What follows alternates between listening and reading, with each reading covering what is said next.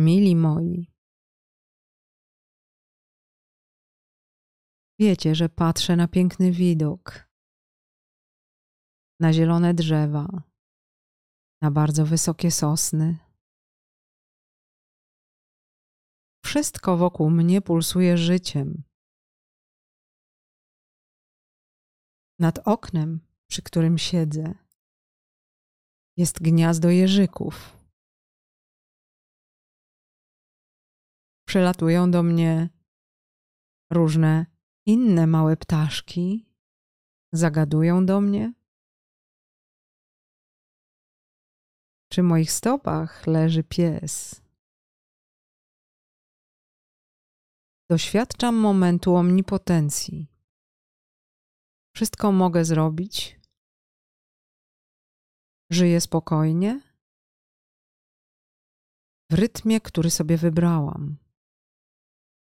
Nic tego nie zaburza. Rano siadam w moim gabinecie do terapii. Bo jak wiecie, zajmuję się pracą z podopiecznymi. Ktoś niedawno pięknie określił moją specjalizację. Wszystko terapeuta. Ale tak naprawdę pojawiam się w życiu moich podopiecznych jako rodzaj podpórki, transformatora, a może doradcy, wtedy, kiedy człowiek stanie na wielkim zakręcie, kiedy traci moc, kiedy wydaje mu się, że jego skrzydła zapomniały jak latać. Różne to przypadki, bo życie duchowe człowieka to mnogość aktywności. Pracuję z firmami, bo firma to ludzka energia z przedsięwzięciami, z relacjami i komunikacją.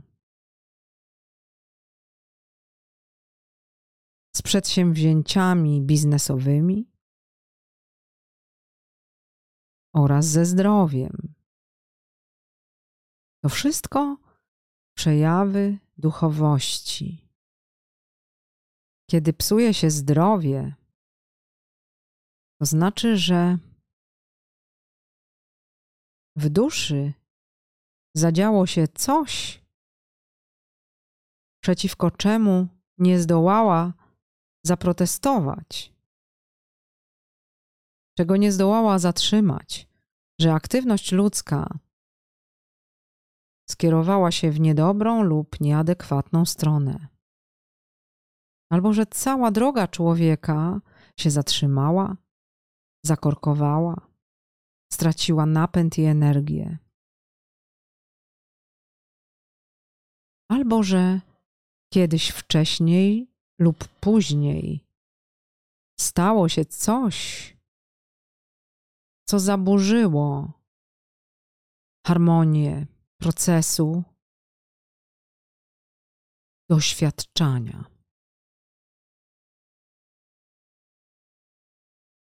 Wiecie, że moja mama niedawno umarła na trzyliterową chorobę umarła, to znaczy przeszła na drugą stronę. To znaczy, że żyje dalej, tylko na razie jeszcze nie ma ciała. Nowego awatara, pojazdu, jak tam sobie go nazwiemy. Ten awatar okazał się już zbyt uszkodzony, zbyt bolesny. Niósł na sobie wiele negatywnych decyzji. Mama zdecydowała o zmianie. moja mama zadecydowała po prostu, że czas na nową aktywność, na zmianę parametrów, okoliczności, czy też może awatara.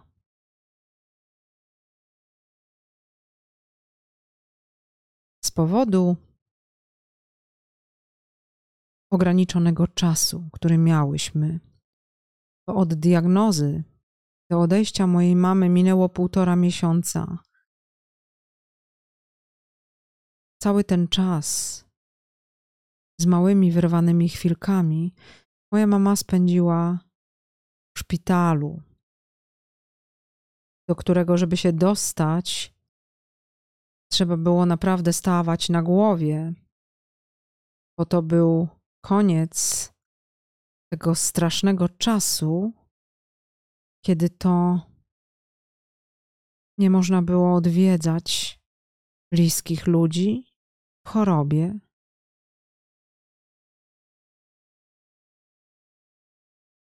Wyjątkowa tortura i dla chorego, i dla jego bliskich. Bardzo mi brakuje tej dobrej myśli, że zdążyłam o wszystkim z mamą porozmawiać. Tak się nie stało. Choroba galopowała w ogromnym tempie. To, co można by w niej odwrócić czy zatrzymać, wymagałoby w wypadku mojej mamy bardzo długich i trudnych rozmów. Nie miałyśmy na to czasu. Więc mam świadomość, że każdy z Was staje w takiej trudności, kiedy z jego bliskimi dzieje się coś złego, co w tle ma te straszne trzy literki. Dlatego dla mojej mamy, żeby uczcić jej pamięć, postanowiłam zebrać tutaj wiedzę ogólną, którą mam na temat tego, co trzeba zrobić, kiedy nagle dostaniesz obuchem w głowę i dowiesz się, że w tle Twojego dalszego życia są te trzy literki. Tak pomyślałam, że to jest taki moment dramatyczny, kiedy my się o tym dowiadujemy, i wtedy ślepniemy, głuchniemy, a z tej pustki przemawia do nas tylko Rockefellerowska medycyna, zapraszając nas na chemię, na radioterapię i na wycinanki.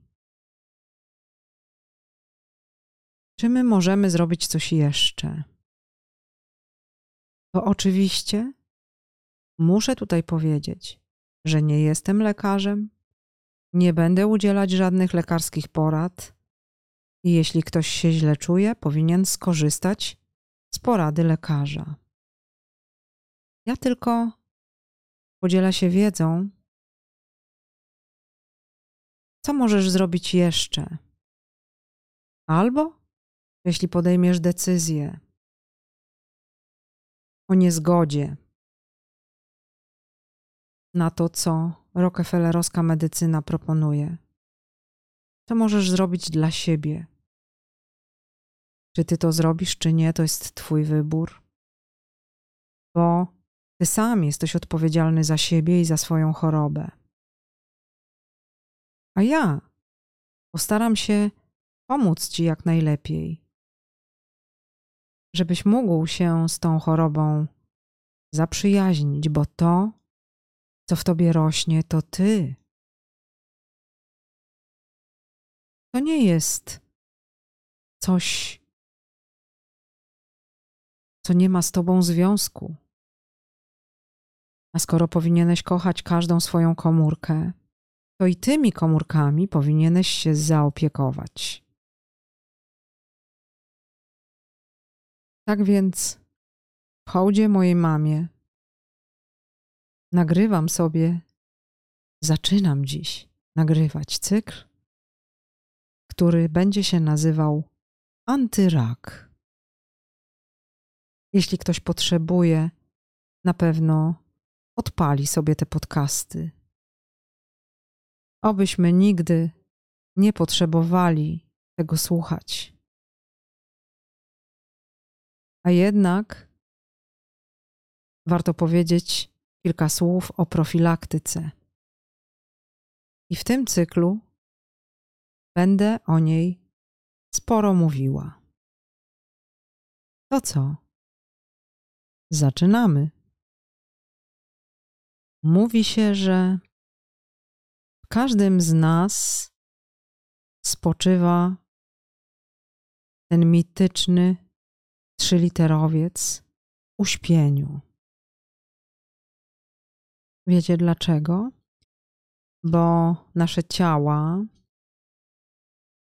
jak wszystkie żywe organizmy, produkują również wadliwe komórki. To jest proces stały. Nikt jednoznacznie nie potrafi odpowiedzieć na pytanie o przyczynę tego procesu. Przyjmijmy, przyjmijmy więc, że on po prostu zachodzi. Pamiętajmy jednak, że możemy nasz organizm kontrolować, że możemy nim zawiadować. Że to, w czym wyrośliśmy w Matrixie, wytworzyło w nas nauk wyuczonej bezradności. A tak naprawdę mamy w ręku wiele instrumentów, a w ciele wiele mechanizmów, które mogą kontrolować rozwój patologicznych struktur i komórek. Jedni z nas te mechanizmy mają lepsze, lepiej zorganizowane, inni słabsze, jeszcze inni, co do których zakładalibyśmy, że na pewno pójdzie im najsłabiej, zaskakują nas wszystkich swoją wolą życia, siłą i tym, że zdrowieją. Bo wiecie, na dzień dobry powiem Wam, że z raka można się wyleczyć. Ja sama miałam już kilkudziesięciu pacjentów, którzy przyszli do mnie wtedy, kiedy już medycyna opuściła ręce. I żyją. Od kilku lat mają się dobrze. Potracili diagnozy. Od czasu do czasu robią tylko wyniki badania kontrolne. Bo w tle każdej takiej sytuacji czai się jakiś lęk. Chociaż jeśli się nad tym zastanowić racjonalnie, to każdy z nas ma taką samą szansę umrzeć za godzinę jak inni. Bo ci, którzy wiedzą, że mają w sobie za dużo niedobrych komórek albo struktur, zaczynają o siebie bardzo, bardzo dbać, a ci, którzy nie wiedzą, a być może te struktury już mają, wcale o siebie nie dbają. I kto ma większe szanse? Zatem wtedy, kiedy już dowiadujesz się, że tłem Twojego życia na najbliższy czas będą te trzy literki, pomyśl, że teraz masz dobrą okazję, żeby zmienić swoje życie żeby zacząć żyć tak, jak zawsze chciałeś. Bo teraz, jeśli tego nie zrobisz, to za jakiś czas będziesz musiał szybciutko zmienić awatar. A jeśli wybierasz, że jeszcze chcesz tu pobyć, że ci tu dobrze, tylko może nie żyłeś tak, jak chciałeś do tej pory, to teraz jest dobry moment, żeby zrobić to wszystko, co ci jakimś sposobem uciekło, czego nie dopilnowałeś, żeby skorygować błędy, które ci się przydarzyły z niewiedzy, z zaniedbania albo z braku miłości do siebie. Teraz jest ten moment. Ten lęk zamień na determinację najfajniejszego doświadczenia. Jeśli się źle czujesz, to zauważ, że to choroba to minie. Nie jest tak, że będziesz się czuł coraz gorzej. Ten mechanizm, który usiłuje nam zaprogramować medycyna rockefellerowska, tak nie działa. Choroba jest po to, żebyś wyzdrowiał i był lepszy niż przed chorobą. Oczywiście ten program, że trzeba sobie coś wyciąć, że zawsze już będziesz inwalidą, że nie będziesz mógł czegoś tam, a co inne będziesz musiał, to nieprawda.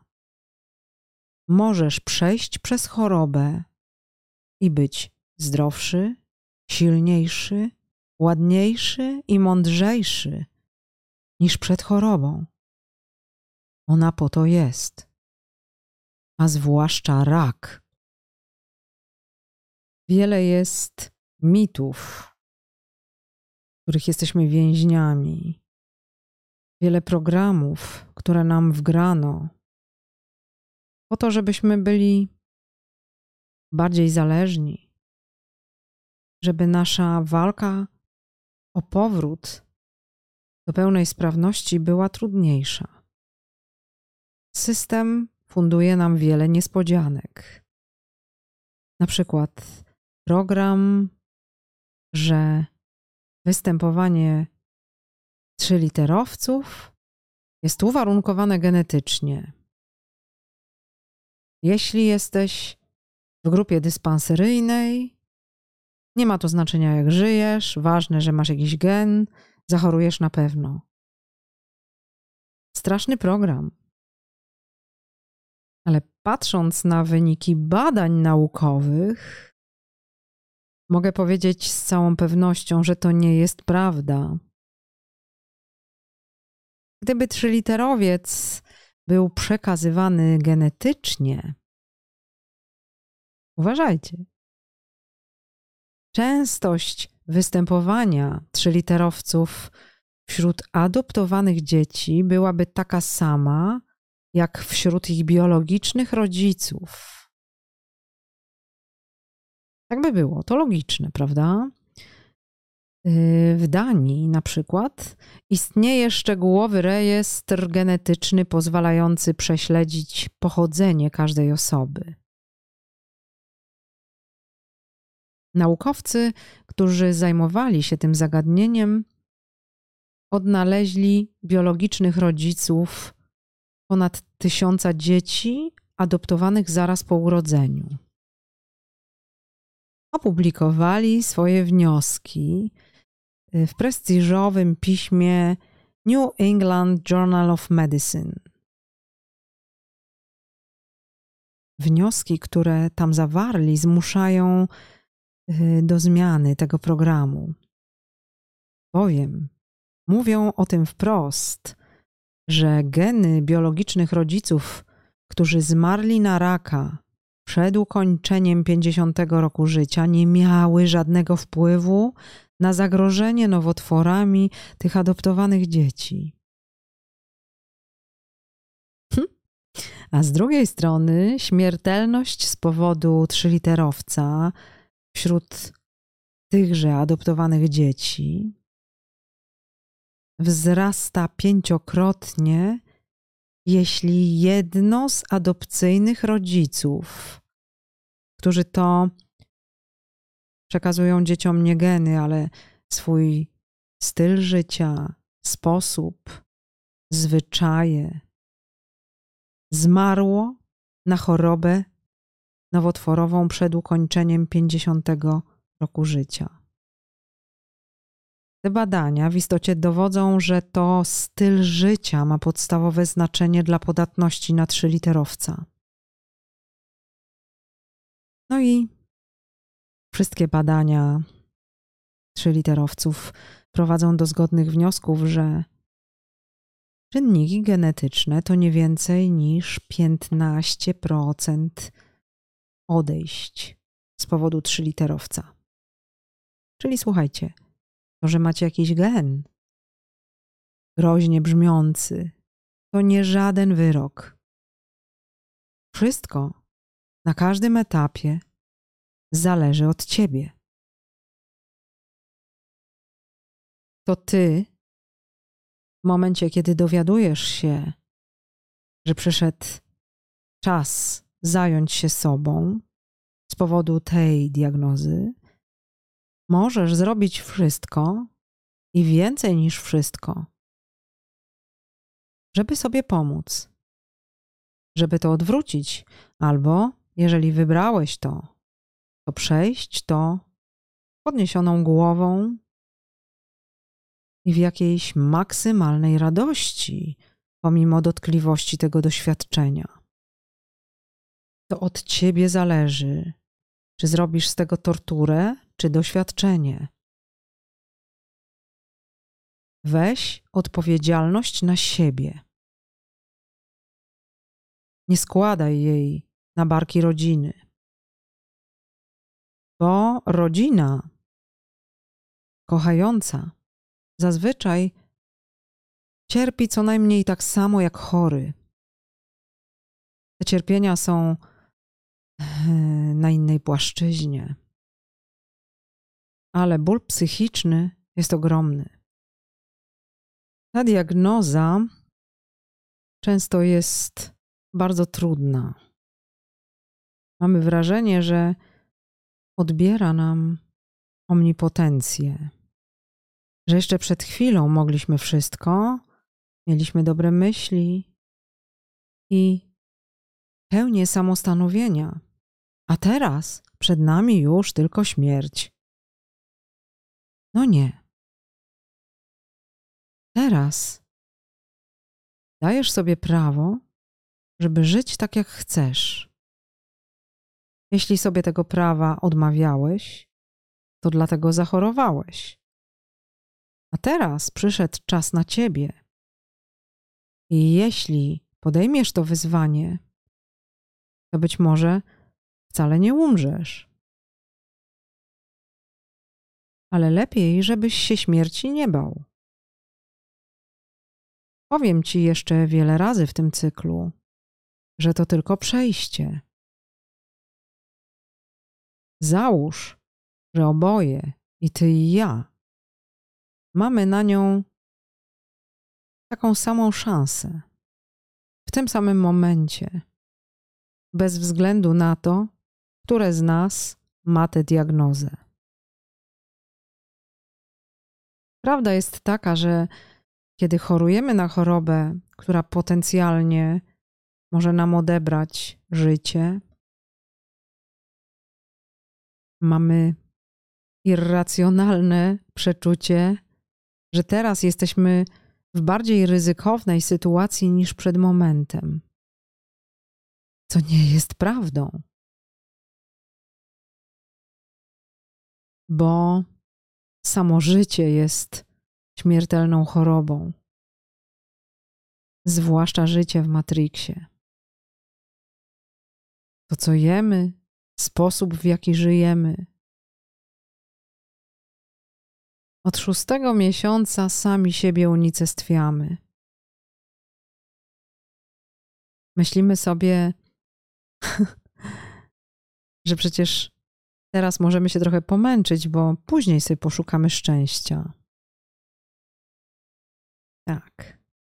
Najpierw kredyt, najpierw trzeba się potorturować trochę w matrixowej robocie, może w korporacji, oddać siebie w ofierze dzieciom. Potem emerytura. Radości nie wkalkulowaliśmy, bo przecież jutro będziemy się cieszyć. Wszystko, co jest sednem życia, odkładamy na później. A potem przychodzi ta diagnoza i jesteśmy w potrzasku. przecież co, to teraz chemia, operacja, inwalidztwo i już nic nie zrobimy? No nie. Są inne warianty. Możesz wyzdrowieć. Ale tak naprawdę musisz teraz szeroko otworzyć oczy. Musisz zaakceptować to, co się dzieje. I pomyśleć sobie, że każdą złą myślą pogarszasz swój stan. Wydajesz komórkom złe dyspozycje. Te, których nie chciałbyś im wydać. Pamiętaj, doceniaj swoje życie i doceniaj każdą chwilę. Przeczytam Ci krótką historię, zacytowaną w jednej z pięknych książek o trzyliterowcu, które pomagają mi konstruować ten cykl. Anna i ja przyjechaliśmy do Nowego Jorku. Zaparkowałem przed szpitalem. Pan, który pisze, jest i pacjentem, i lekarzem. Stałem na parkingu, wdychając świeże powietrze. Zostało mi kilka minut wolności przed przyjęciem do szpitala, badaniami i salą operacyjną. Zauważyłem starszą kobietę, która niewątpliwie wracała do domu po hospitalizacji. Była sama, niosła torbę, poruszała się o kulach. Bez pomocy nie będzie mogła wsiąść do samochodu. Spojrzałem na nią, byłem zdziwiony, że pozwolili jej wyjść w takim stanie. Ona też mnie zauważyła. Wyraz jej twarzy mówił, że niczego się po mnie nie spodziewała, niczego. Byliśmy przecież w Nowym Jorku, gdzie każdy musi sobie radzić sam. Poczułem, że ciągnie mnie do niej coś, co wynikało z naszej wspólnoty. Oboje byliśmy pacjentami. To nie było współczucie, ale głębokie poczucie braterstwa. Czułem, że jestem jej bliski, że jestem zrobiony z tej samej materii, co ta osoba, która potrzebowała pomocy, choć o nic nie prosiła. Włożyłem jej torbę do bagażnika. Wyjechałem jej samochodem z miejsca parkingowego. Pomogłem usiąść za kierownicą. Z uśmiechem zatrzasnąłem drzwi. Przez kilka minut nie była sama. Byłem szczęśliwy, że mogę udzielić tej skromnej pomocy. W rzeczywistości to ona pomogła mnie, ponieważ potrzebowała mnie właśnie w tej chwili. Dzięki temu miałem szansę poczuć, że oboje należymy do ludzkości. Nawzajem się obdarowaliśmy. Wciąż widzę jej oczy, w których obudziłem coś w rodzaju zaufania do innych. Poczucie, że życiu można ufać. Skoro w odpowiedniej chwili na jej drodze pojawił się ktoś, kto gotów był pomóc. Prawie nie odzywaliśmy się do siebie, ale jestem pewien, że ona również czuła, jak cenne było to spotkanie. Poczułem ciepło w sercu. My bezbronni, zagrożeni ludzie, możemy sobie pomagać i wspierać się uśmiechem. Słuchajcie, to jest taka historia, która powinna otworzyć każdego z tymi wszystkimi myślami na to, żeby zauważyli innych ludzi. Potrzebne nam to bardzo, a zwłaszcza w tym momencie, kiedy przychodzi na nas taki strach. Przeczytam Wam jeszcze jedną historię takiej diagnozy. Pewnego dnia wezwano mnie do młodego mężczyzny z licznymi tatuażami, do alkoholika i narkomana mającego na koncie wiele przestępstw z użyciem przemocy. Gdy dowiedział się, że ma raka mózgu, puściły mu nerwy i zaczął niszczyć wszystko w pokoju. Przerażone pielęgniarki nie chciały się do niego zbliżyć. Przedstawiłem się jako psychiatra. Joe sprawiał wrażenie lwa w klatce, ale zgodził się ze mną porozmawiać. Usiadłem obok niego. Słyszałem, jaką wiadomość pan właśnie otrzymał. Wiem, że jest pan zdenerwowany i przygnębiony. Wyobrażam sobie, jak bardzo może to być przerażające. Joe w odpowiedzi wygłosił długą tyradę, ale po dwudziestu minutach się rozpłakał. Jego ojciec był alkoholikiem, matka osobą zamkniętą w sobie i emocjonalnie niedostępną. Nie miał przyjaciół, tylko kolegów z barów, którzy teraz niewątpliwie wypną się na niego. Był zagubiony. Nie wiem, co będę w stanie dla pana zrobić, odpowiedziałem. Mogę panu jednak obiecać, że jeśli to panu pomoże, będę się z panem spotykał raz na tydzień. Uspokoił się i rzeczywiście przychodził do mnie raz na tydzień przez sześć miesięcy, aż do samej śmierci. W czasie tych spotkań nie miałem mu wiele do powiedzenia. Słuchałem go, trochę pracował. Był elektrykiem. Latami nie potrafił długo utrzymać pracy i żył z zasiłków. Nie rozmawiał z rodzicami. Całymi dniami oglądał telewizję. Był potwornie samotny. Wkrótce stało się jasne, że perspektywa śmierci była dla niego tak trudna do zniesienia, ponieważ niczego nie potrafił zrobić ze swoim życiem. Spytałem, czy w czasie, jaki mu jeszcze został, mógłby zrobić coś użytecznego dla innych. Nigdy o tym nie pomyślał. Zastanawiał się przez chwilę. Niedaleko mnie jest kościół, odpowiedział wreszcie. Myślę, że mogę coś zrobić dla proboszcza. Chcę założyć klimatyzację. Mogę się tym zająć. Zachęciłem go, żeby porozmawiał z księdzem, który oczywiście bardzo się ucieszył z tej propozycji. Joe wstawał codziennie rano i udawał się do kościoła instalować klimatyzację. Praca szła mu powoli. Z powodu dużego guza mózgu miał kłopoty z koncentracją, ale się nie spieszył. Parafianie przywykli do jego widoku na dachu. Odzywali się do niego, przynosili mu kanapki i kawę na drugie śniadanie. Gdy o tym opowiadał, miał łzy w oczach.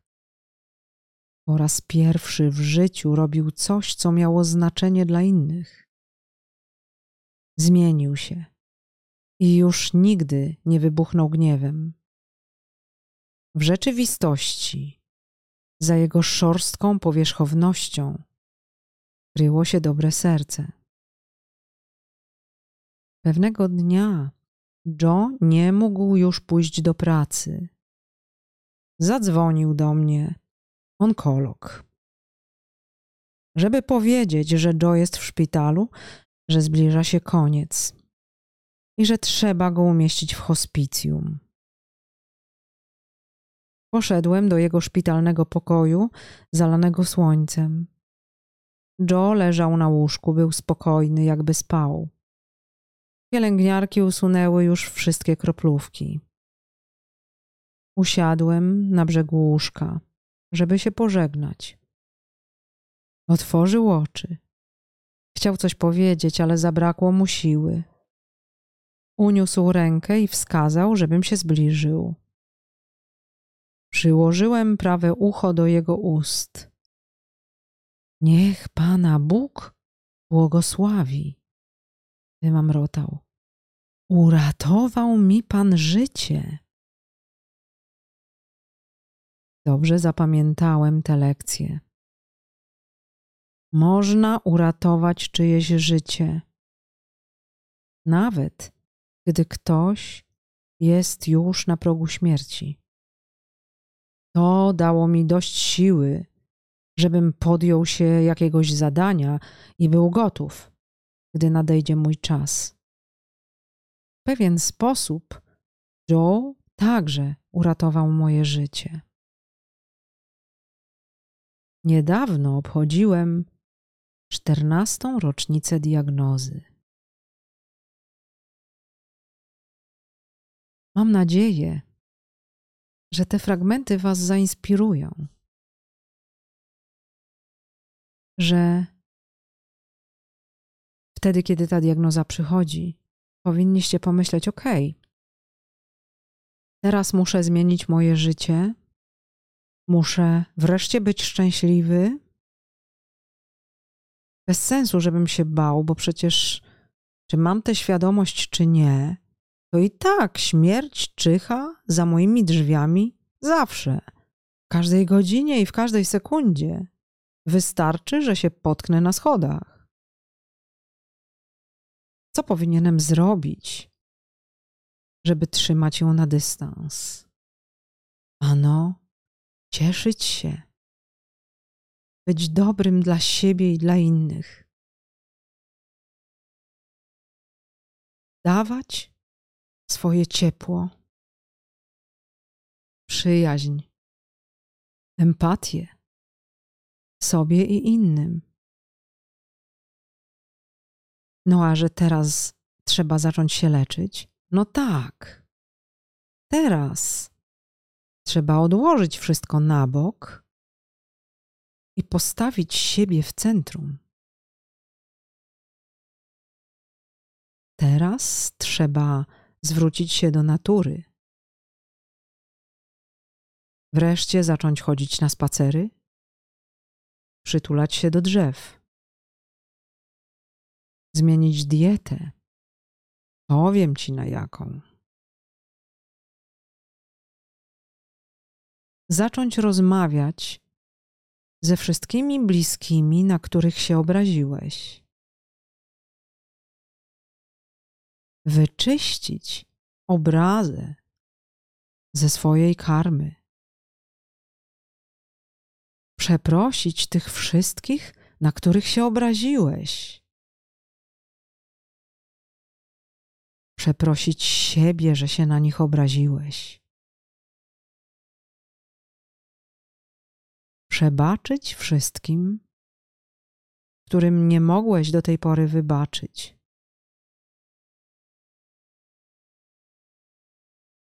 Tak zgrubnie mówię, że powinieneś teraz oczyścić swoje serce, bo wtedy staniesz w sytuacji, w której będziesz mógł się zająć wypraszaniem intruza ze swojej przestrzeni. Myślę, że to najlepszy moment, żeby zamknąć pierwszy odcinek cyklu Antyrak.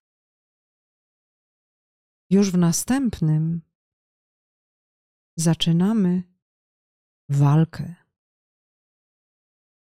Będziemy mówić o mechanizmach i o narzędziach obrony, które mamy na wyposażeniu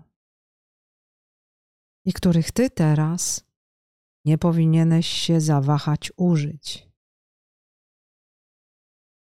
Wierz mi, to doświadczenie uczyni cię lepszym, silniejszym,